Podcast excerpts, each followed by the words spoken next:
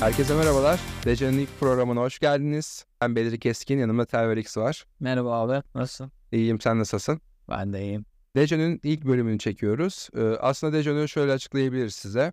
Dejan, merkeziyetsiz finansı ve blockchain teknolojisini merkezine alan bir podcast serisi olacak. Bu podcast serisinde gündem haberlerine bir yandan denirken bir yandan da bizim gözümüze çarpan veya gelecek süreçte e, insanların önüne düşme ihtimali olan konuları değineceğiz. Aynı zamanda DeFi dünyası ile alakalı çeşitli e, bilgilendirmeli içerikler paylaşacağız aslında bu Dejon serisinde diyelim ve ilk bölümümüze başlayalım aslında bir yandan. Hazır mısın? Hazırım abi. Eyvallah. Biraz öyle kendimizi toparlayalım. Hızlıca geçiyorum. E, bu hafta bayağı tarihi bir hafta oldu. Aslında daha hafta bitmemiş olmasına rağmen ciddi şekilde e, olaylar yaşadık. Hatta senin de bir tweetin var. Bayağı tarihi anlara şahit olduk diye. İlk olarak şununla başlayalım. Binance ve CZ. Bu Binance ve CZ bizi özellikle 3-4 aydır çok yoğun şekilde e, meşgul ediyordu. Kripto para piyasasında olanları özellikle blockchain tarafında olanları ama ilk defa bu kadar net şekilde çeşitli suçlamaların kabul edildiğini ve istifaların geldiği bir ortam yaşadık kripto para piyasasında. Binance'ın kurucusu, CEO'su yani kurucu, Binance'ı kuran, var eden adam ve aynı zamanda CEO'su CZ suçlamaları kabul ederek görevinden istifa etti ama aynı zamanda çoğunluk isteği de hala elinde bulundurulduğunu açıkladı. Ee, yeni CEO'su Richard Teng oldu. İstanbul Blockchain Week'e de gelmişti. Sanıyorum Binance Blockchain Week'e gelmişti. Ee, yine aynı şekilde eski CEO, CEO'su diyeceğim artık CZ'ye 175 milyon dolarlık kefaletle serbest bırakıldı. Mahkemesi görüldü. Hatta Dubai'ye döndü. Sonrasında tekrar gelecek sanıyorum Şubat ayı gibi. Ee, ABD Hazine Bakanı e, Janet Yellen bir açıklama yap- yaptı ve bu açıklama aslında bayağı sert bir açıklamaydı bence. Bayağı bir, böyle bir gözdağı ve niteliğinde bir açıklamaydı ve birkaç tane key nokta var orasını e, söyleyeceğim abi. Binance'ın bazı terör örgütlerine para akışını kolaylaştırdığını söyledi ve aynı zamanda bu alanda yani sanal para dedi. Virtual Money tarafında olan şirketlere özellikle e, bir mesajda bulundu. Bizim yasalarımıza uyacaksınız diye ciddi bir şekilde hani böyle bir şey öğretmen edasıyla böyle uyardı. E, Diğer bir noktada aslında ABD hükümetinin işte bu açıklamasından sonra Binance'dan 1 milyar dolarlık kullanıcı fonu çekildi. Yani 1 milyar dolar değerinde bir fon e, çekilmiş oldu. Yine Binance e, ABD hükümetine 4.3 milyar dolar bir ceza ödeyeceğini kabul etti. Bir anlaşmaya vardılar. Aslında, bu bir ceza sonuna baktığımızda. E, bunları konuşacağız. Yaşanan gelişmeler bunlardı. İlk olarak tüm bunlara bakarak bir senin değerlendirmeni alalım. Ya ilk önce Binance konusu 3 aydır çok meşgul ediyor ama uzun zamandır zaten gündemimizde. Özellikle FTX'in çöküşüyle başlayan dönemde ki FTX'in çöküşünü de tetikleyen kişi olarak düşünüldüğünde e, CZ e, Amerikan hükümetinde doğrudan gözüne gelmişti. Çünkü FTX bir nevi onların altın çocuğu, çocuğu Aynen öyle. o dönem. E, pek hoşlarına gitmedi açıkçası bence. E, Binance süreci bence bu arada Amerikan hükümeti tarafından iyi yönetildi. Buna dair bahsettim çünkü önemli buluyorum. Yani FTX süreci ne kadar rezaletse Binance'ın e, bu anlaşmaya varma süreci o kadar iyiydi. Burada etken belki Sezi'nin kendisidir. Yani şimdi e, suçlamaları göz önünde bulundurunca çok olumlu şeyler söylemek istemiyorum kendisi hakkında ama belki Sezi'nin e, olumlu yaklaşımı veya Sezi'nin bunu kabullenişi süreci daha kolaylaştırmıştır. Sonuçta Binance dünyanın en büyük kripto e, firması. Aynen öyle. Yani sadece bu Borsa değil. değil. Kesinlikle. Tek, tekil bir borsada değil. Ve Binance'daki böyle olası ciddi bir bank run'ın, e, ciddi bir kaçış sürecinin FTX'ten çok daha büyük sonuçları doğuracağını herkes farkındaydı. Bence Amerikan hükümeti de bunun farkındaydı. Ve ben şeyi hatırlıyorum. 6 ay öncesine kadar zaten bu haberler konuşuluyordu. Özellikle Doge'un e, bu şey mahkeme sürecine dikkat ettiğini çünkü e, yatırımcıları etkilememeye çalıştıklarına dair ha- haberler vardı. Bunun arkasına bakarsak büyük ihtimalle BlackRock'ı falan da görebiliriz orada. Yani sürecin bu kadar sumut işletilmesinin nedenlerinden biri de belki BlackRock'ın ve kurumsalların kriptoya girmeden önce e, böyle kötü bir imaj yaratmak istememeleri olabilir diye düşünüyorum. İlk, ilk söyleyeceğim şey bu. Bence süreci iyi yönettiler. E, birazcık tereyağından kıl çeker gibi bu iş halloldu. Artık arka planını çok bilmiyoruz. O yüzden de çok konuşmaya değer bulmuyorum şu anlık. Katılıyorum abi. Özellikle şey noktasında değindin. Yani e, şu anda bizim ETF başvuruları, başvurularıyla birlikte markete ciddi şekilde bir kurumsal yatırımcı diyebileceğimiz veya işte atıyorum legit bir arayıcı a- aracı arayan e, yatırımcıları çok kolay çekebileceğimiz bir alana doğru devam ediyoruz. Ama şimdi bu noktada çok büyük oyuncular var. İşte BlackRock en büyüğünden bahsediyoruz ve gerçekten BlackRock acaba Binance'ın tekel olduğu bir piyasaya girmek istiyor muydu? Acaba şöyle de sormak lazım soruyu aslında. Acaba işte Circle gibi, FTX gibi onların fonladığı şirketler Binance'ın konumunda olsaydı acaba bu süreç yaşanacak mıydı? Ben bunu sormak istiyorum sadece. Çünkü bildiğim kadarıyla FTX e, ne Binance kadar ne CZ kadar ö, bu yani iyi göstermeye çalışmıyorum yani öyle övme noktasında değilim. Sadece yaşanan durumu aktarıyorum. FTX hiçbir bu suçlamalara karşı karşıya gelmeden önce bile kullanıcılarla alakalı fon kullanıyorsunuz çeşitli iddialar çıktığında bile net şekilde yalanlamış. Hiçbir kanıt ortaya sunmadan yalanlamış üstelik. Ama şimdi Binance tarafında evet çok ciddi suçlamalar var. Bunların hepsi çok çirkin ve e, kirli suçlamalar. E, bazıları da kabul edilmiş gibi gözüküyor ama işte bence BlackRock'ın ve çeşitli kurumsal şirketlerin baskıları bu Binance sürecinin dediğin gibi en böyle tertemiz bir şekilde onlar açısından yani kullanıcının güvenini kırmayacak şekilde halledilmesine sebep oldu. Ama diğer taraftan da bence kripto piyasası için özellikle bu Bitcoin ideası ya o fikri için e, zarar veren noktalara doğru biz gideceğiz gibi gözüküyoruz. Sadece benim kendi böyle geleceğe doğru bir bakışım olsun diyeyim. E, bu konuyla alakalı eklemek istediğim bir şey var mı? Abi şimdi bu konuda tek diyebileceğim benim şu. Yani insanlar genel olarak BlackRock'ın Binance'ı egale ettiğini düşünüyor. Veya işte o kurumsalların Binance gibi büyük oyuncuları, kriptonun içerisinden çıkan büyük oyuncuları egale ettiğini düşünüyor. Ben olaya bu yönden bakmıyorum. Böyle olabilir. Orada filler tepişiyor. Yani bizim orada çok bir yerimiz yok. Ben olaya daha çok şundan şuradan bakıyorum. Ee, yani o piyasaya giremezlerdi kurumsallar. Öyle bir piyasaya giremezlerdi. Bu piyasanın regüle olması için bazı şartlar vardı ve onlar yerine getirildi. Ama bunu yaparken yatırımcıları korkutmamak e, bu kurumsal taraf için çok önemliydi. Çünkü sonuçta mesela BlackRock'ta buraya yatırım yapacaksa kendisi yatırım çek, yatırımcı çekecek de yapacak ve e, sürecin ne kadar smooth işlemesi gerektiğini ona o şekilde anlatabilirim. Bence o yüzden dikkat edilmiştir diyeyim. Bence kapatalım. Aynen öyle. Bu konuyu bu şekilde kapatalım. Her iki taraf için de e, hayırlısı diyelim. Hem CZ hem Binance için diyelim. Devam edelim. Bir sonraki konumuz yine SEC, yine Amerika'dan bir e, konumuz var aslında. SEC, e, Amerika merkezli kripto para borsası Kraken'e dava açtı. Davayla alakalı kısa bir ön bilgi geçeyim ben. Sonrasında senin de fikrini alacağım. E, Kraken'e açılan dava aslında Coinbase'le açılan davanın birebir benzeri neredeyse. Aynı suçlamalarla karşı karşıyalar. Yani menkul kıymeti ihlali üzerine bir dava görülüyor şu anda. Ee, buna karşın Kraken kullanıcılarının benim Twitter'da okuduğum ve işletiyorum. Kripto Twitter'da gözlemlediğim kadarıyla bir Coinbase'de olduğu gibi değil, biraz daha böyle bir korku havası hakim Kraken kullanıcıları üzerinde. Bunlarla alakalı ne demek istersin? Aslında SEC'nin e, Binance'a karşı, genel Amerika hükümetinin Binance'a karşı ve işte o o alanda bulunan tekerlere karşı almış olduğu galibiyete karşı SEC'nin hala Amerika merkezli bir borsaya, nitekim hacmi o kadar büyük olmayan bir borsaya hala böylesine zorluklar yaşatması senin ee, bu, bu olaya nasıl bakıyorsun? Sana temelini böyle toparlayabilirim bu soruyu. Ya Kraken, bu arada Kraken davasıyla SEC'nin tek suçlaması bu değil. Aynı zamanda kullanıcı fonlarının karıştırıldığını da düşünüyorlar. Ona dair de bir suçlama vardı yanlış hatırlamıyorsam. Ee, o yüzden Coinbase'den ayrılışıyor. Coinbase'de öyle bir suçlama yok. Coinbase'de sadece menkul kıymet satışı üzerine bir suçlama süre geliyor, devam ediyor. Ee, burada SEC'nin aslında Binance olayıyla ilişkilendirirsek tam böyle Binance haberi çıkmadan bir saat önce falan herhalde Kraken'e e, dava açtıklarını SEC bildirdi. Ee, böyle ilginç bir zamanlamaydı o. Ee, bir de çok şey konuşuldu. Tam CZ'ye karşı suçlamalar kamuoyunda işte basın toplantısında açıklanırken çok kişi vardı orada. Yani Amerikan hükümetinden pek çok yetkili, çok çok kişi vardı. Benim ağzımdan başka bir şey çıkacaktı. Yani otoparla. Evet gerçekten öyle yani. Ve bunların arasında Gensler yoktu. Evet. Ee, insanlar bunu sorguladılar. Birincisi Gensler bu davanın bir şeyi değil. Yani SEC tarafı e, bu davanın sürecinde değildi. Anlaşan ekip, anlaşan kurumlar arasında yok zaten. Aynen işte o Aynen. demeye çalışıyorum. Mesela o yüzden orada olmayabilir. Yani dışlandığı gözüyle baktı bir kısım ama ben daha çok SEC'nin davasının sonucu belki çok daha farklı olacağı için orada olması zaten doğru değildi diye gözüyle bakıyorum.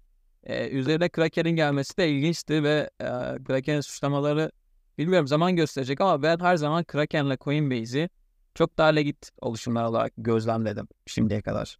Ee, ve Kraken çok OG bir borsa. Çok eskiye dayanıyor. Da OG Bitcoin'lerin kullandığı bir borsa. Hacmi ne kadar alıyorsa Hatta ben bir dönem Türkiye'ye gelmelerini falan da istiyordum. Hala istiyorum bu arada. E, umarım suçlamalar asılsızdır. Ama e, Binance olayından sonra bu gibi haberleri sıkça göreceğiz bence. E, sonuçta sadece Amerikan hükümeti üzerinden dönüyor bu olaylar ama başka ülkeler de var. Başka ülkelere de servis sunuyorlardı. E, onlardan çıkacak sonuçları merak ediyoruz ama bence ya şunu diyebilirim. E, zor kısmı atlattığımızı düşünüyorum. O food kısmı bitti bence. Hatta günümüzde işte e, Türkiye'de de bir kripto yasası hazırlanıyor.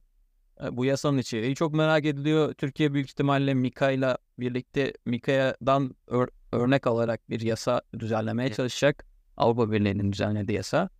E, regülasyonlar herhalde ilk defa bu kadar ensede hissediliyor kripto camiasında onu diyebilirim. Katılıyorum. Özellikle şey konu noktasında yani e, umarım kullanıcı fonları kullanılmamıştır Kraken'de. Çünkü kullanıcı fonu kullanmak bence bir markanın veya bir herhangi bir aynen, işletmenin yapabileceği en kötü şey. Çünkü artık onu, o noktaya geldiysen ya sen işletmeni doğru düzenleyemiyorsun, yönetemiyorsun ya da gerçekten sen çok farklı işlere bulaştın ve yüksek getiri peşinden koşuyorsun çeşitli. Aleme de bunu yapmıştı işte zamanında. Yani onlarca proje önden satışlara girmek falan. Özellikle. Berbat durum. Umarım öyle bir şey yoktur. Aynen ben katılıyorum. Ee, Türkiye kısmına çok ufak değinelim bir de. Ee, sen zaten başlangıcı yaptın. Türkiye'de Avrupa Birliği yasaları, yasasına benzer bir şey olabilir. Ama sanki ben şeyde düşünüyorum yani Kore tarafında çıkan bir vergilendirme yasası var. Yani regüle, regülasyon tarafında Kore biraz daha hızlı hareket etti o noktada. Yani onlara benzer bir şey çıkartabilir miyiz emin değilim ama gideceğimiz noktayı ben o taraf olabilir diye düşünüyorum. Çünkü şey oradaki adaptasyonu bozan bir yasa çıkmadı orada. Evet vergi oranları çeşitli noktalarda yüksek görüldü. Bir tepki aldı sonra tekrar düzenlendi falan ama. Kaçtı vergi oranı? E, ya yanlış hatırlamıyorsam %40 civarına kadar artan bir vergi oranıydı. Ama çeşitli noktalarda değişiyor bu yani değil mi? Ben okul yaptığım okumalarda o zamanlarda değişirse dediğim gibi yani tekrar e, açıklamaları bunun doğru kaynağına koyarız. E, çeşitli limitler arasında koyarak %40'a kadar artan bir vergi vardı. Ah, ben Evet o, öyle bir şeydi diye hatırlıyorum onları ama bu çok sorun edilmedi. Sanıyorum biraz da alt kesimlerdeki vergi oranları sorun edilmişti Kore tarafında. Onlarla da alakalı da öyle bir düzenleme e, Türkiye'ye gelecek deniliyor ama bence Türkiye'nin burada biraz daha bıçak sırtı bir durum var abi. Ekonomisine Kore kadar e, sağlam ve esnek ne de yani ABD kadar. Dolayısıyla bizim burada yapacağımız en temel nokta evet kara para yaklama noktasında ciddi önlem, önlemler alalım. Ki bunu ben çoğu borsanın e, Türkiye'de aldığını çok net düşünmüyorum. Çünkü şey vardı yakın zamana kadar işte atıyorum ruble ile para yatırılabilen borsalar vardı. Veya işte atıyorum bunlar çok sıkıntı aslında baktığımızda. ABD bununla alakalı tabii yani ABD bununla alakalı çok ciddi şeyler yapabilir. Ve velhasıl yani Türkiye'de evet kullanıcı tarafından araştırsa bile büyük kullanıcılarda bunların araştırılması ne kadar yapılıyor bilmiyordum. Ama tabii ki bunu yapan çok değerli borsalar var. Onları bir yana koyalım. Ama Türkiye'de bence asıl bu e, regülasyonların gelme isteyen sebebi abi bir içinde bulunduğumuz ekonomik durum ve kullanıcıların buradan bir gelir elde ettiğini devletin fark etmesi. Ya Mehmet Yüksek tarafından şöyle bir açıklama da oldu. Green listeden çıkmamız için tek gereken şey artık en son hamle kriptolar piyasasına e, regülasyon getirmemiz gibi bir açıklama yaptı. Çok ilginç bir açıklama. Evet. E, bilmiyorum ne kadar e, yerinde emin değilim. Yani bütün kara para aklama işleri kriptodan mı yürüyor? Son ya Yelen'in açıklaması da öyle bir şeydi ki. Evet. Yani Yelen'in e, tekrar geri dönüyorum ama ben çok konuşmamıştım orada bir şey uzatmamak için de. Yelen şunu dedi abi. Dedi ki e, Binance dedi kara para aklamaya izin verdi dedi. Bilmesine rağmen. Binance terörist organizasyonlara para aktarılmasına izin verdi. Çocuk pornosunun e, fonlanmasına izin verdi yani böyle inanılmaz bir portre çizdi. Ve tek tek saydı hepsini. Bu Hep çok çok tek tek tek, tek saydı yani. En sonunda da e, bütün kripto camiasında şunu dedi. Eğer dedi Amerika'nın finansal e, altyapısına erişmek istiyorsanız Amerika'nın yani global piyasalara erişmek istiyorsanız aslında temelde yasalarımıza uyacaksınız. Bundan kaçışınız yok dedi. E, ve yani gerçekten böyle ciddi bir gözdağıydı orada. Tabii oradan aldıkları güçlerle bence diğer ülkeler de aynı şekilde bu yaptırımlara devam edecektir. Yani bundan ben e, şüphe duymuyorum ama Türkiye tarafında bir tek vergiyi konuşuyoruz çünkü bizi en çok o ilgilendiriyor. Evet.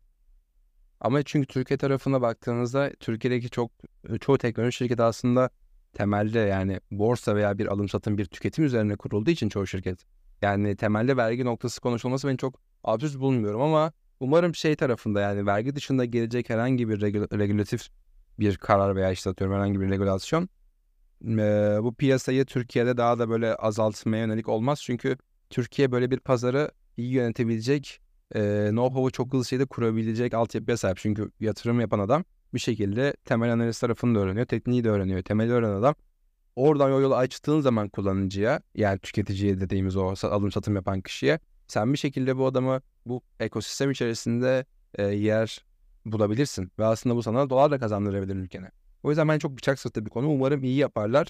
İyi yapmazlarsa bunun sonucu kötü olacak bence. Son bir şey ekleyeyim. Açıkçası ben ne kadar Degen, pardon Dejon, Dejan. Dejon e, kültürüm olsa da e, bence Türkiye e, son iki sene önce bunlar konuşulurken geri adım atmasıyla sanki bunun böyle olmamasını istediklerini gösterdi. Yani hükümet olarak. Bilmiyorum belki zamansal yetersizliklerden de vazgeçmiş olabilirler o dönem veya işte e, seçim baskısından dolayı da olabilir. Ama bilmiyorum seçimlerin ne kadar etkili oluruz o tartışılır da.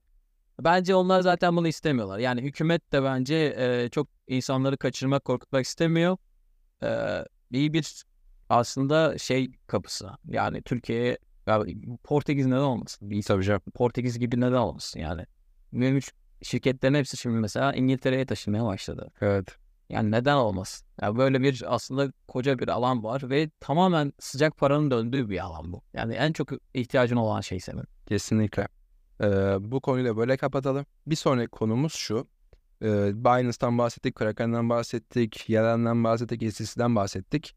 Peki DeFi bu tüm bunların neresinde kalıyor? Aslında e, Dejan'ın de başlamasının en büyük sebeplerinden bir tanesi şu. Yani bu merkeziyetçilik konusu evet bazı gruplar tarafından ya abi balondur falan filan denilse bile aslında ben sanmıyorum ki 5 sene sonra bizim merkeziyetsizlikten koptuğumuz bir dünyada yaşayalım. Aslında merkeziyetsizlik tüm bunlarla bile daha da fazla önemli hale geliyor. O yüzden şuna bir değinelim istiyorum. DeFi tüm bunların neresinde kalıyor? Ya bence DeFi zaten isminden de yani merkeziyetsiz bir finans sunmayı hedefliyor. Bunu ne kadar sundukları ayrı bir konu. Bunu sabaha kadar tartışabiliriz. E, bu yaptırımların neresinde bulunacaklar? Büyük ihtimalle Amerikan merkezler özellikle pek çok yaptırıma uğrayacak ve yani e, kabul edecekler. O falan o sunduğu listeleri tek tek kabul edeceklerini düşünüyorum.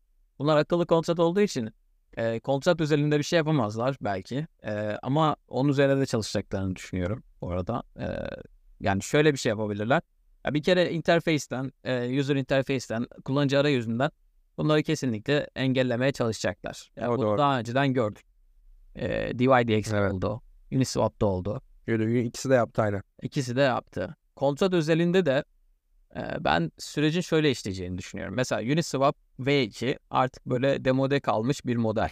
DeFi tarafından, kullanıcıları tarafından çok kullan ya hala en çok kullanılan o da artık çok daha iyi modeller geliştirildi ve insanlar da, LP sağlayıcılar da, market maker'lar da o havuzlara yönelmeye başladı. Hı hı. Yani bu adamlar yeni geliştirecekleri modellerin altyapısını öyle bir kuracaklar ki eee, s- orada bu bu şeyleri geçirtmeyecekler. Yani o falan yaptırımlarını kabul edecek düzeyde bir altyapı hazırlayacaklar. O V2'deki o basitlik ve eee, sansüre dayanıklılık olacağını sanmıyorum. Açıkçası eee DeFi bunun neresinde? DeFi sanırım yaptırımların tam ortasında. Çok kaçacaklarını sanmıyorum. Kaçmaya çalışacaklar mı ondan da emin değilim. Ama eee, çok konuştum da. Yok bence gayet iyi abi. Devam hiç öyle şey yapma ya. Bu, kimse herhalde böyle konuşmamı beklemiyordur. E, DeFi Evet. yaptırım Ben de beklemiyordum. Bitcoin yaptırımlardan kaçacağını falan söyleyeceğim mi sanıyorsunlar ama ya devlet kavramı çok farklı abi. Çok sanmıyorum. Yani e, ne kadar dejan adam değil mi? Devlet Evet. kavramı falan değil. Yani devlete halbuki burada abi hayır abi buraya da müdahale edemezsiniz demek lazım Dejonsen. Demeyecekler abi. Ben, ben derim ama demeyecek. İşte ben de burada bak dediğine katılmakla birlikte evet şirketler demeyecek olabilir. E, hatta birazdan bir konuya daha değineceğiz. Hatta hani bir spoiler verelim şimdiden. Ya Bitcoin'le alakalı bir şey konuşacağız ve yine bu yaptırımlarla alakalı bir şey konuşacağız. Yani. Zaten onlar canım Evet. Yani şimdi bence şirketler ve işte atıyorum bu, bu alanda bir şey üretmeye çalışan kuruluşlar diyeyim hani projeler diyeyim. Evet bir şekilde ABD'ye uymak istiyor çünkü ABD büyük bir pazar. Ve aynı zamanda gerçekten eee, global çapta büyümek istiyorsan evet orada olmak zorundasın. O, bu doğru. Ama bence bir taraftan da çeşitli şirketler, çeşitli projeler diyecek ki hayır abi tamam sen kendi dünyanı kurabilirsin.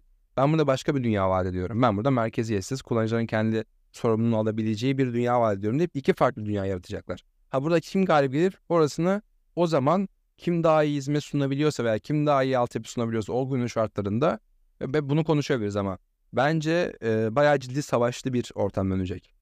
Olabilir abi ama yani bu şey demek değil bu arada. Merkeziyetsiz finans bitecek demek değil. Merkeziyetsiz finansın en büyük getirilerini hala kullanacağız. Sadece burada eee, o yaptırımlardan kaçacaklarına çok emin değilim. Ama hala sen gidip AB'de borç verip borç alabileceksin. Evet. Bu işlemi anı, bir yere kadar anonim yapabileceksin. Yani herhangi bir etkileşimi yoksa büyük ihtimalle. Gidip Uniswap kullanabileceksin. Ben bunlar bunların kaybolacağını çok düşünmüyorum. Ama düşündüğüm şey bu yaptırımlardan muaf bir şekilde hareket edemeyecek noktaya gelecekler büyük ihtimalle önümüzdeki 5 sene içerisinde. Tabii şirket konusunda doğru söylüyorsun ama ben de mesela şeyde ABD'de olsam bile abi yani ben yapacağım OTC, OTC işlemi engelleyemez mesela diyorum en basitinden. Ve Tabii işte OTC işlem dediğinde DeFi değil o. o Tabii ya o bambaşka değil mi? bir- Aynen peer to peer. Baktığımda aslında şey yani ben e, peer to peer de biraz buraya dahil etmek istiyorum yani. Çünkü aslında onu da kontrol etmek istiyorlar bir yandan da. Evet. Çeşitli OTC şirketlerine ciddi ciddi incelemeler gönderdik ki bu adamlar şirket dediğim şirket de tam şirket bile değil. Adam sadece kurulmuş web sitesinde komisyonunu alıyor aradan. Yani bunlara bir ince- inceleme gönderen bir hükümetten bahsediyoruz. O yüzden DeFi tarafı çok ciddi sıkıntılar yaşayacak. Bir daha söyleyeyim. OTC şirketlerini falan bırak artık bayağı Bitcoin'de sansür görüyor. Evet abi tam o konuya geçecektik. Bitcoin'deki sansür olayı nedir? Ben de senden duydum. Durumu bilmiyordum. Podcast öncesinde hemen. Kısaca bir bahseder misin? Yani Bitcoin'de eee, bir dakika hatta tweet'i de bulayım. Son ben de dün gördüm. Dün veya önceki gün bunun tartışmaları oldu. Yani bildiğimiz eee, mining pool'lar var biliyorsun. İstiyorsan mining pool'ların detayına da girebiliriz ama bence konumuzla çok alakalı değil. Ve bu mining pool'lardan hatta ismi de vardı. Hatırlamıyorum şu an. Ee, konuyla alakalı F2 pool galiba. evet konuyla alakalı tweet'i de yine konuya böyle detaylı değinen tweet'i de açıklamaya ekleyeceğiz abi. Tamam. O, onu ekleyelim. Bence önemli. Ee, F2 pool diye bir mining pool'u var. Ee, yani minerlar bir pool'da birlikte e, kazım yapıyorlar. Hash gücü artıyor ve daha çok e, kazım olasılıkları artıyor.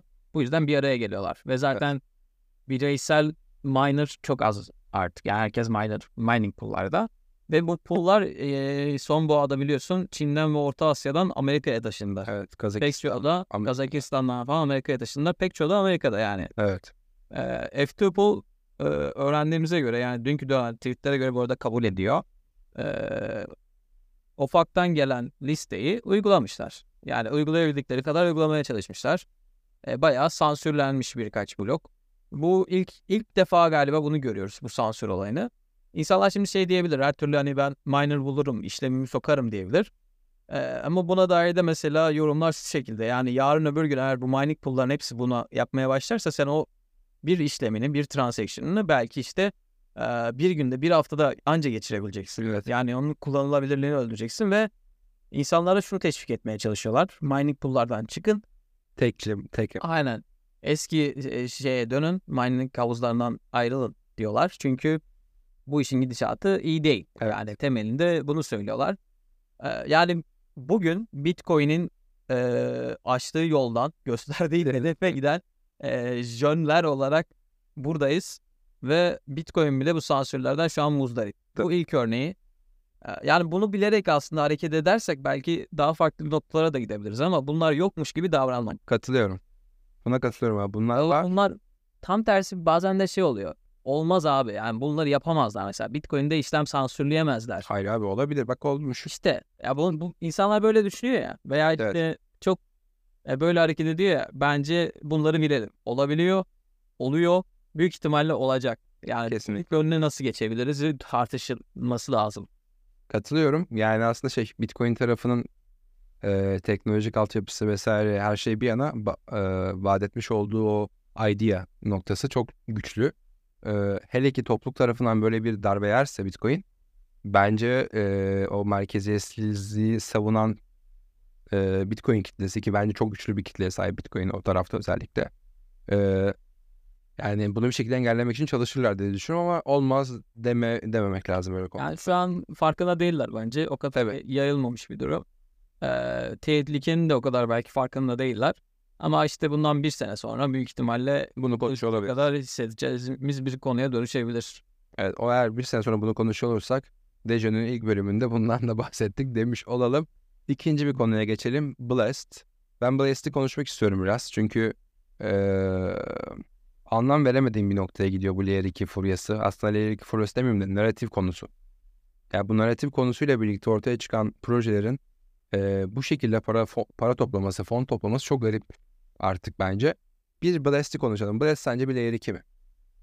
Katman 2. Ya ben teknik konuşmak istemiyorum. Çünkü yani teknik bilgim bir yere kadar ve buradaki olay Blast'in teknik altyapısı kesinlikle. Kesinlikle. O yüzden bence hiç oraya girmeye bile gerek yok. Blast Layer 2 olduğunu iddia ederek ortada herhangi bir ağ olmadan aslında temelinde siz e, kullanıcılardan bir havuz oluşturup kullanıcılardan o havuza para atmalarını istedi. Dediler ki bu havuz 5 ay boyunca kilitli. 5 mi 6 mı? Şu ben atmadım. Ben de atmadım daha. Bayağı 5-6 ay boyunca aynen ben de Öyle bir şey. 5-6 ay kilitli kalacak bu para. 5-6 ay sonunda ben de size paranızı geri vereceğim.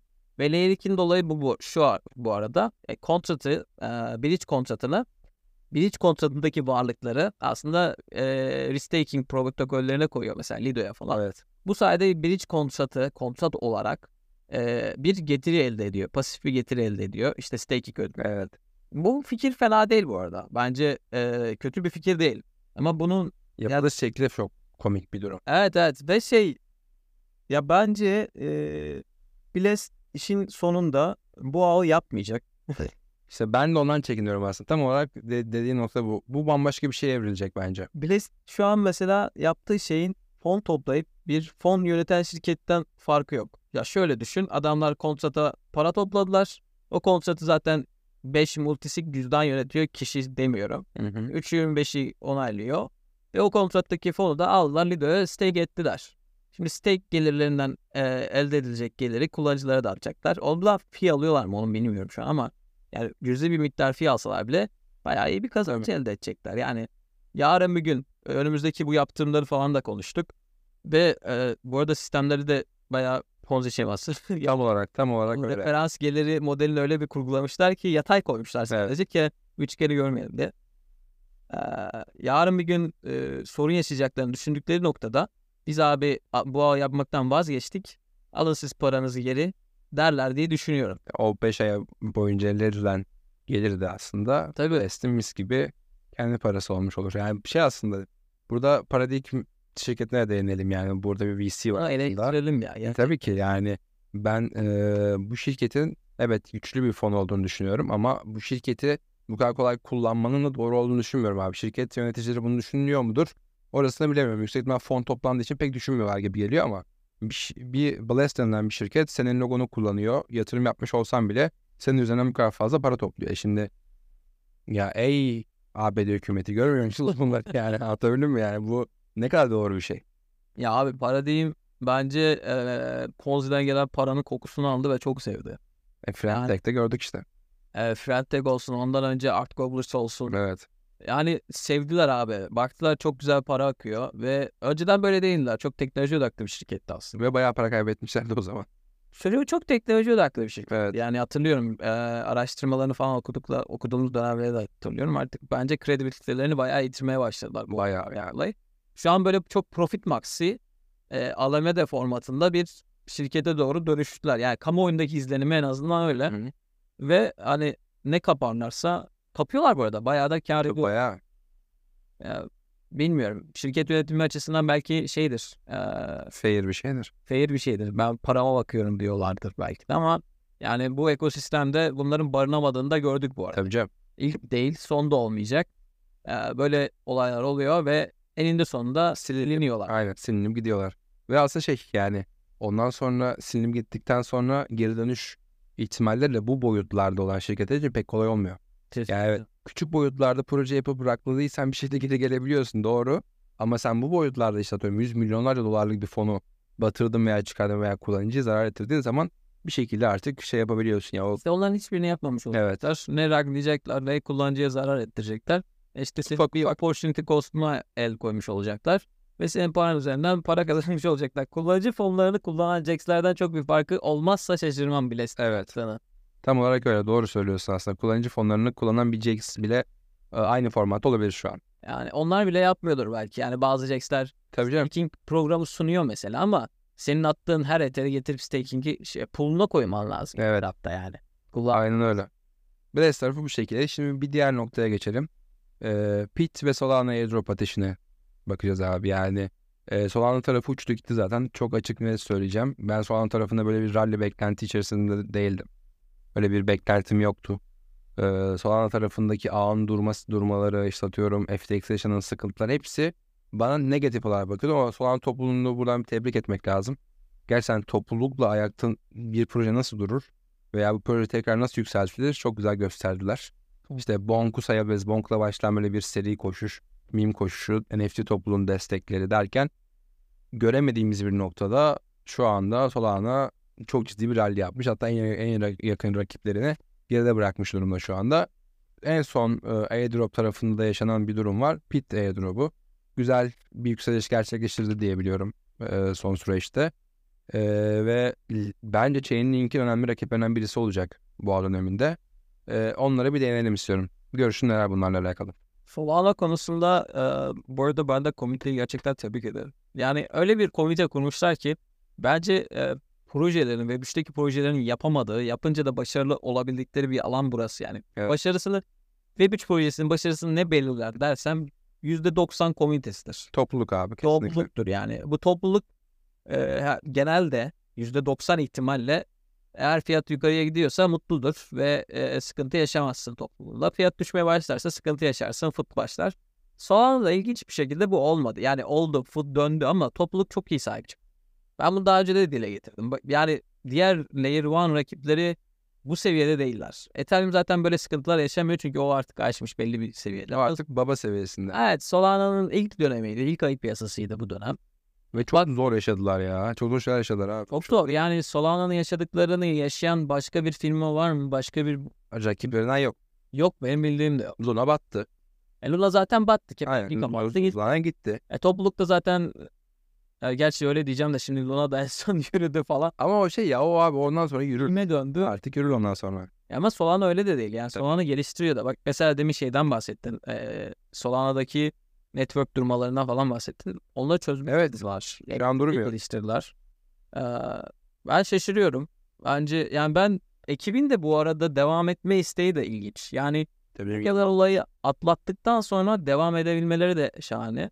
Demek ki fonları sadece Alamede'den ibaret değilmiş yani. Ve iyi bir fon yöneticisi varmış bence ekiplerin içerisinde. Evet. Kriz yönetimi. Fon Solana, Solana ekosisteminden çıkan bir diğer büyük başta Jump aslında. Jump, Ay tabii. Jump DeFi komple kapattı. Market making yapmayı bıraktı. Kriptodan tamamen çekildi. Evet. Bu yaptırımlar öncesinde çekildi hatta. Büyük ihtimalle bunların geldiğini düşünerek çekildiler. Hatta e, son Peter airdrop'unda abi dün akşam haber gördüm %30'u falan adamlara gitmiş galiba. 300 milyon mu bir şey. Ben stopladım o haberle birlikte. Sonra birlikte. Ya ben de topladım. Aynen. Bugün 50 cent gördüm. Evet. Hedefte yukarılardaydım. Sağlık olsun. Neyse güzel airdrop at. Evet çok güzel. Mesela bana gelmedi. Ben o kadar EVM aktivitem var abi. Ben alamadım mesela. Ya orada şeye bakmışlar. Şimdi ne kadar doğru yapmışlar bilmiyorum. Pete Oracle'ından servis kullanan Şirketlere bakmışlar. Aynen oluşumlara, uygulamalara bakmışlar. Şimdi ben aksini iddia edemiyorum çünkü ben iyi bir airdrop aldım. Bunun dışında farklı e, projeler de var. Mesela Pika var. Ben Evet. ben bundan kaç ay önceydi. Hani pek çok kişiye de söylemiştim. Airdrop da yaptılar bunlar bir dönem. E, onların airdrop'u ne durumda bilmiyorum ama onlar da mesela onlar da Oracle alıyorlarmış. Evet. Pika kullanan arkadaşlarım da henüz almadığını söylüyor. O da ilginç. Ya farklı bir e, snapshot tarihi almış olabilir ama bence şey ya Chainlink'in böylesine şey olduğu bir noktada tekel olduğu bir noktada bence böyle bir farklı farklı uygulama 150'den fazla uygulama var sanıyorum sundukları 150'den fazla uygulamaya e, Oracle hizmeti sunan bir şirketin token'la birlikte çıkması, projenin token'la birlikte çıkması bence değerli bir şey bu arada. Yani bu arada bir şekilde bunun karşılığını bulacaktır yani. Abi şunu söyleyeyim bu arada. Harika bir süreç yönetimi var. Ya ben hayatımda bu kadar rahat airdrop claim ettiğimi hatırlamıyorum. Solana ağındaydık. Yani şey EVM cüzdanıyla onaylıyorsun. EVM ne kazandığını Hı hı. ben. Sağ Solana cüzdanını bağlıyorsun ve çekiyorsun. Adamlar Solana cüzdanında sol olmamasını ihtimaline karşı drop bile atıyorlar. Yani 0.001 gibi bir şey. Big başlayacak. Ve hiç- hiçbir sorun da yaşamıyoruz. Yani Peter airdrop'un alan da bayağı kişi vardır eminim. Evet. Ee, tabii ki bir R airdrop'u değil. Hani o kadar bir e, füz yoktu orada. Evet. Ama bayağı smooth'tu. Bayağı beklenmedik yerden geldiği için abi çok temiz oldu. Ve belki DeFi'da yani merkeziyetsiz alandaki en büyük e, airdrop'tu bu. En çok et, en çok uygulamaya, en çok ağa, aynı anda çünkü 10 ağa falan airdrop Evet. etmiş oldular. Çok ağda varlar doğru. Aynen. En büyük airdrop'tu. En, en kapsamlı airdrop'tu. Bunu söyleyebilirim. Gerçekten o yüzden tebrik ediyorum. Gerçi Oracle tarafında da Chainlink'in rakibi olabilirler mi? Ya Chainlink'in Oracle rakibi olabilirler ama Chainlink başka şeyler de yapmaya başladı. Chainlink çok büyük zaten o ayrı bir şey artık. Evet. Yani şimdi Chainlink'le PT belki aynı klasmana koymamak lazım şu aşamada. Tabii. Ee, ben Pete'den nedense buna dair hiçbir şey görmedim ama bir AI atılımı falan gelirse o, o seviyeye çıkabileceğini düşünüyorum. Öyle bir vibe alıyorum. Buna dair hiçbir şey görmedim ama. Hissiyat sadece. Sadece hissiyat. Nedenini bilmiyorum bak ciddiyim. Pete'in nedense hani ben- Chainlink'in işte CCIP e, altyapısıyla yürüdüğü yolda hı. belki Pete farklılaşmak için böyle bir altyapıya kaçabilirdi gibi düşünüyorum açıkçası. Ya, yapay zeka narratifini de kullanarak abi Pete o zaman bambaşka bir noktaya gidebilir tabii. Ama böyle bir haber yok şimdi. Bunu böyle söyleyip de insan Tabii canım. böyle bir şey yok. Kendi kendimize hype'lıyoruz arkadaşlar sadece. yani. Biz birbirimize hype'lıyoruz şu anda. Öyle bir Ben gerçek. Pete olsam böyle bir şey yaparım falan. Abi bir diğer konuya geçelim. Hazır soğanlara da değinmişken. Ee, Souls ve Ava, Ava Scription'lar. Tam böyle hala söylemekte e, yaşıyorum abi. Ava Scription'lar ve Souls Scription'lar. Bunlar daha yeni çıkan şeyler. Ee, bunlarla alakalı fikrini alacağım. Çok net söyleyeyim. Ben bunları gördüğüm zaman Aa, ben boomer oldum dedim. Çünkü yani a, anlamlandırmanın dışında abi mantıklı bulabildiğim o temeli yok aslında bazı noktalarda. Ya şöyle güzel olan yanları var. Bir, Evet, bunlar var. nereden çıktı on- ondan birazcık bahsedelim. Inscription'lar aslında Bitcoin'deki Segwit ve daha sonrasına gelen Taproot güncellemeleri. Ee, bir e, yan etkisi aslında. Yani beklenen bir şey değildi. istenen bir şey de değildi. Ee, işte Anomali gibi aslında temelde. aynen aynen. Onlar sayesinde açığa çıkan işte e, yazabileceğin şey boyutu arttı. Hı hafıza boyutu arttı. Me- memory boyutu art- arttı. E, orada da e, insanlar şunu fark ettiler. O zaman biz satsa bir veri yazabilir durumdayız. Satsa yazdığımız verileri indekslersek aslında her bir satsı diğerinden ayırt edebiliyoruz. Unique Bir saat sepebiliriz. bir, bir sats yapabiliriz. Bunu ne için kullanabiliriz? İlk önce ordinals'ler çıktı. Bir NFT olarak kullan. Onlar çok güzel kullanımlı bence bu arada. Evet. Öyle bir problem yok. Ve bunlar immutable yaptılar Evet. bu işi. Yani NFT'den daha da öteye gidip immutable yaptılar. Evet. Ee, için içerisine IPFS sokmadan yaptılar. Çok temiz bir şekilde yaptılar. Daha sonra bunun e, BRC20 versiyonları çıktı. Bir şey yok gene. Yani indeksleyebileceğin bir string giriyorsun. Sadece Evet. string giriyorlar. Ee, bir satsa bunu giriyorlar ve diyorlar ki mesela 10 bin bununki. Sen 15 bininciyi midleyebilirsin bu arada ama indeksler e, 10 bine 10 bine kadar şey yapıyor. 15 bin bir anlamı yok. bir anlamı olmuyor. Ee, daha sonra bu Ethereum'a sıçradı. Ethereum'da da benzer bir mantıkla yaptılar. Caldata'ya yazmışlar. A- e, yakın zamanda Solana'dan önce 2-3 gün önce galiba ben Avalanche'da Evet. gördüm. Ondan önce Polygon'da da çıkmış. Ve Ava, e, Avalanche'da yapılan bayağı işlem hacmini arttırdı. Şimdi Avalanche'da da bak gene bir anomali var. Evet. Ee, bu Çinli ekipler genelde buna yelteniyor. Nedenini anlamadım. Avalanche'daki durumda ilk önce yanlışlıkla 21 milyon belirliyorlar limiti tamam mı? 21 milyon çok büyük. Ve her bir seferde bir tane falan basıyorsun. Evet. Yani 21 milyon işlem demek minimumda. Ee, daha sonra komiteyle konuşuyorlar ve komite kalmasını istiyor 21 milyonda. Günlerdir de Avalanche'da C-Chain'deki aktivite ATH yaptı. Tabii. İnanılmaz yüksek. Yani boğa seviyesinin iki katına falan çıktı. Aşırı da böyle çok ince bir çizgi var böyle. Aynen aynen. Ve bütün bunun nedeni Avas bir tane token, Evet. işte token değil pardon inscription. Ee, bir, bir Aval diye bir tane Hı daha hı. var. Bu ikisi götürüyor yani. Dünle bugün de Solana tarafında dün gece 2'den beri galiba e, Solf diye bir şey çıktı. Evet. O e, patladı. E, o tarafta da böyle bir hype çıktı yani. Nasıl? Yani kullanım alanı var mı? Yok. Daha çok bence şey gibiler. Hype abi ya bence bu tamamen. Abi hype Bitcoin tarafı kullanılabilir bence. Unique'den kaynaklı. başka bir şey. Aynen Unique'den kaynaklı Ama kullanılabilir. güzel yanları var. Mesela eee, işlem ücretleri çok daha düşük. Çünkü sıfır mesela işlem şöyle mesela sıfır AVAX gönderiyorum ben sana. Eee Rabi'den eee, mesaj gönderebildiğimi anlatmıştım ya. Aslında o mesaj şeye yazılıyor. Blockchain'e call data olarak yazılıyor. Rabi'den ben sana sıfır AVAX gönderiyorum. Call data'ya o string'i giriyorum ve mitlemiş oluyorum. Öyle bir şey var yani. Sol tarafı biraz daha farklı. Ama zaten Solana tarafının işlem ücreti, işlem şeyleri çok düşük. Avalanche desen aman aman bir işlem ücreti diğerlerine göre Şimdi ağlıyorlar. 2,5 dolar oldu. Oo bak işte. Evet şu an o sıkıntı o yaşanabilir doğru. Abi bilmiyorum dediğim gibi ben Bitcoin dışında bu özellikle bu alanın kullanımının pek işe yarayacağını düşünmüyorum ama tabii hype'dan yararlanmak lazım bir şekilde. Yani BRC20 veya BRC20 demeyeyim de bu token olarak kullanmaya çalışılanlar belki e, bir işe yaramayacak. Evet. E, gene de bunlardan historical value'su olanlar çıkacak yani tarih değeri olacak bunların. E, ona inanıyorum bu arada. İlk çıkanlar falan muhakkak değerli bir şey. Aynen. Ama bunun dışında NFT olarak bunların e, basım işi var. Onlar zaten bence Aa, ayrı bir klas. aynen. Onda zaten Magic Eden'ın falan bunları desteklemesi bunu gösteriyor. Evet. Orada da bir hacim oluşmaya başladı. Bakalım ya farklı farklı şeyler gelecek bence önümüzdeki süreçte. Artık son konumuza geçelim. Ee, Kyber Swap'ta likitte pool'lara eklendi. Yaklaşık bir 50 milyon dolar değerinde fon kaybı söz konusu. Türkiye'den ekle, e, Türkiye'deki bazı arkadaşlar da e, bu pekten ne yazık ki zarar görmüşler. Twitter'da görmüştüm birkaç isim. E, ne demek istersin bunlarla alakalı? Geçmiş olsun. Evet geçmiş olsun. Herkese geçmiş olsun abi. KyberSwap OG bir DEX aslında. Evet. Bayağı eskiye dayanıyor. Ee, ben benim sevdiğim pek kullanmadığım bir DEX. Ee, kullanmama nedenim e, şey değil bu arada. Hani öyle a, bir kinim falan yoktu veya kötü olduklarını düşünmüyordu. Sadece daha Bilmiyorum product'ı benim alanıma girmiyordu. Yani aslında bir DEX ama ona gelene kadar başkalarını kullanıyordum. LP olarak belki ve e, bunların da konsantreli kitle modeli var. Konsantreli kitle modellerini anlamak için bir süre kullanmıştım bir dönem. Ondan sonra kullanmayı bıraktım. Çünkü orada da APR'lar böyle çok doğru APR'lar değildi. Hı. Ama işte V3'te genelde konsantreli kitle modellerinde böyle oluyor. Geçmişi baz aldığının için sürekli değişen dinamik bir APR var. O yüzden yanıltıyor biraz. Ee, üzüldüm.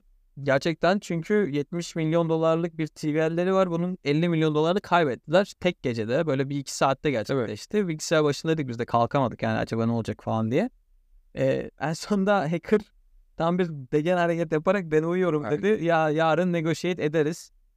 Ben birazcık sevinmiştim. Yani dedim tamam negotiate edecekler. %10 alacak gidecek falan. Bilmiyorum şimdi ne oldu. Bakamıyoruz tabii. Evet, olmayacağı durum belli. Durumu ama adamların Kore kaynaklı olduğunu söylüyorlar. Yani hackerların. Eğer öyle bir şey varsa yani Lazarus'la falan ilişkiliyse böyle bir mesaj atmazlardı zaten. O ayrı. Dev parayı alır çıkarlardı. Aynen. Ben ilk şey diye düşündüm açıkçası. Kontratta ciddi bir açık buldular. Ee, White Hacker Hı hı. Olarak adlandırılmak için de ilk önce drain etti komple. Daha sonra da e, bu mesajı attı diye düşündüm. Ee, bilmiyorum Kyber Swap'ın tepkisi ne olur ama büyük ihtimalle kabul ederler eğer öyle bir teklif gelirse %10 falan diye. Ee, onun dışında bir de şey oldu. Ee, blockchain üzerinden mesajlaşıyorlar. Bir kullanıcı ekrana şey mesajı attı. USDC'nin e, blacklist fonksiyonu var biliyorsun değil mi falan bunu dedi. Direkt e, er- hemen ardından hacker elindeki USDC'leri Ether'e çevirdi. 35 bin doları. Hadi ya. Aynen. E, hacker'a da böyle trik falan verdiler. Güzel bir olay oldu. Bunu bilmiyordum mesela.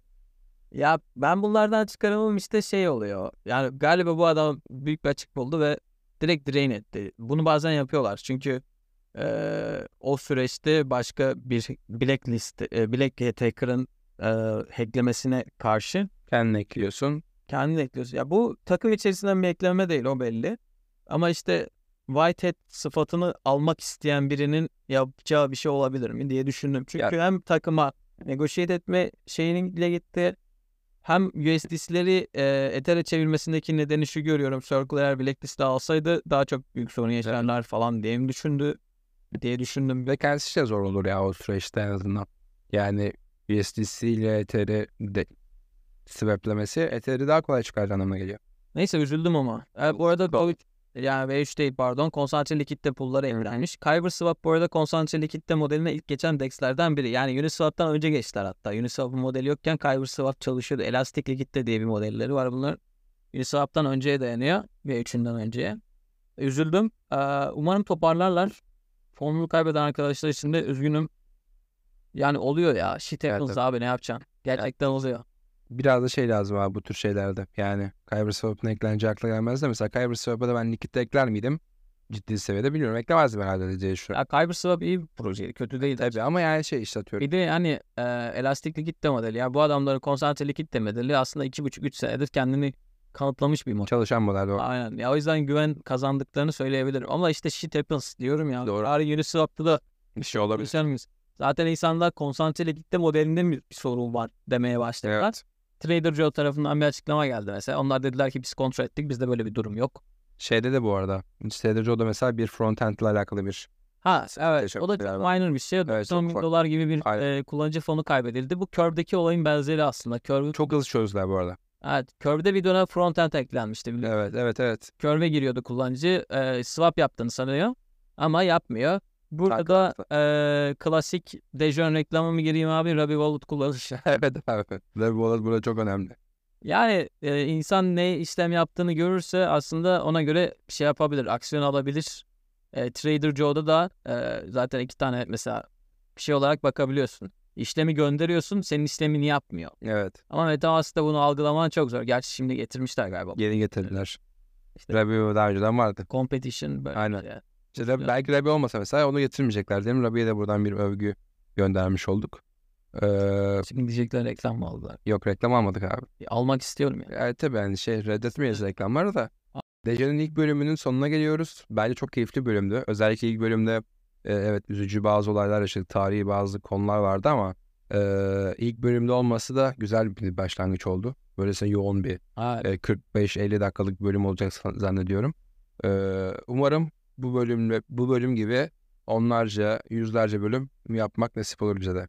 İnşallah. 2x'te izleyin abi. Altına da altına yorum yapılıyor mu Snapchat'te? Yapılmıyor. Snapchat Ha? Spotify. Spotify'da. Spotify'da hiçbir şey yapılmıyor abi. Bunun bir YouTube tarafını yükleme imkanımız olursa YouTube'da yapabilirler. Veya bence. Twitter'dan da yazın. Twitter'dan yazın abi aynen. Twitter'dan görüşlerinizi, önerilerinizi yazın. E, beğendiyseniz de tüm çevrenizde paylaşmanızı rica ediyoruz ki Dejon hareketine insanlar dahil olsun, katılsın diyelim. Teşekkür ederim tekrardan. Teşekkürler. İyi geceler. İyi geceler.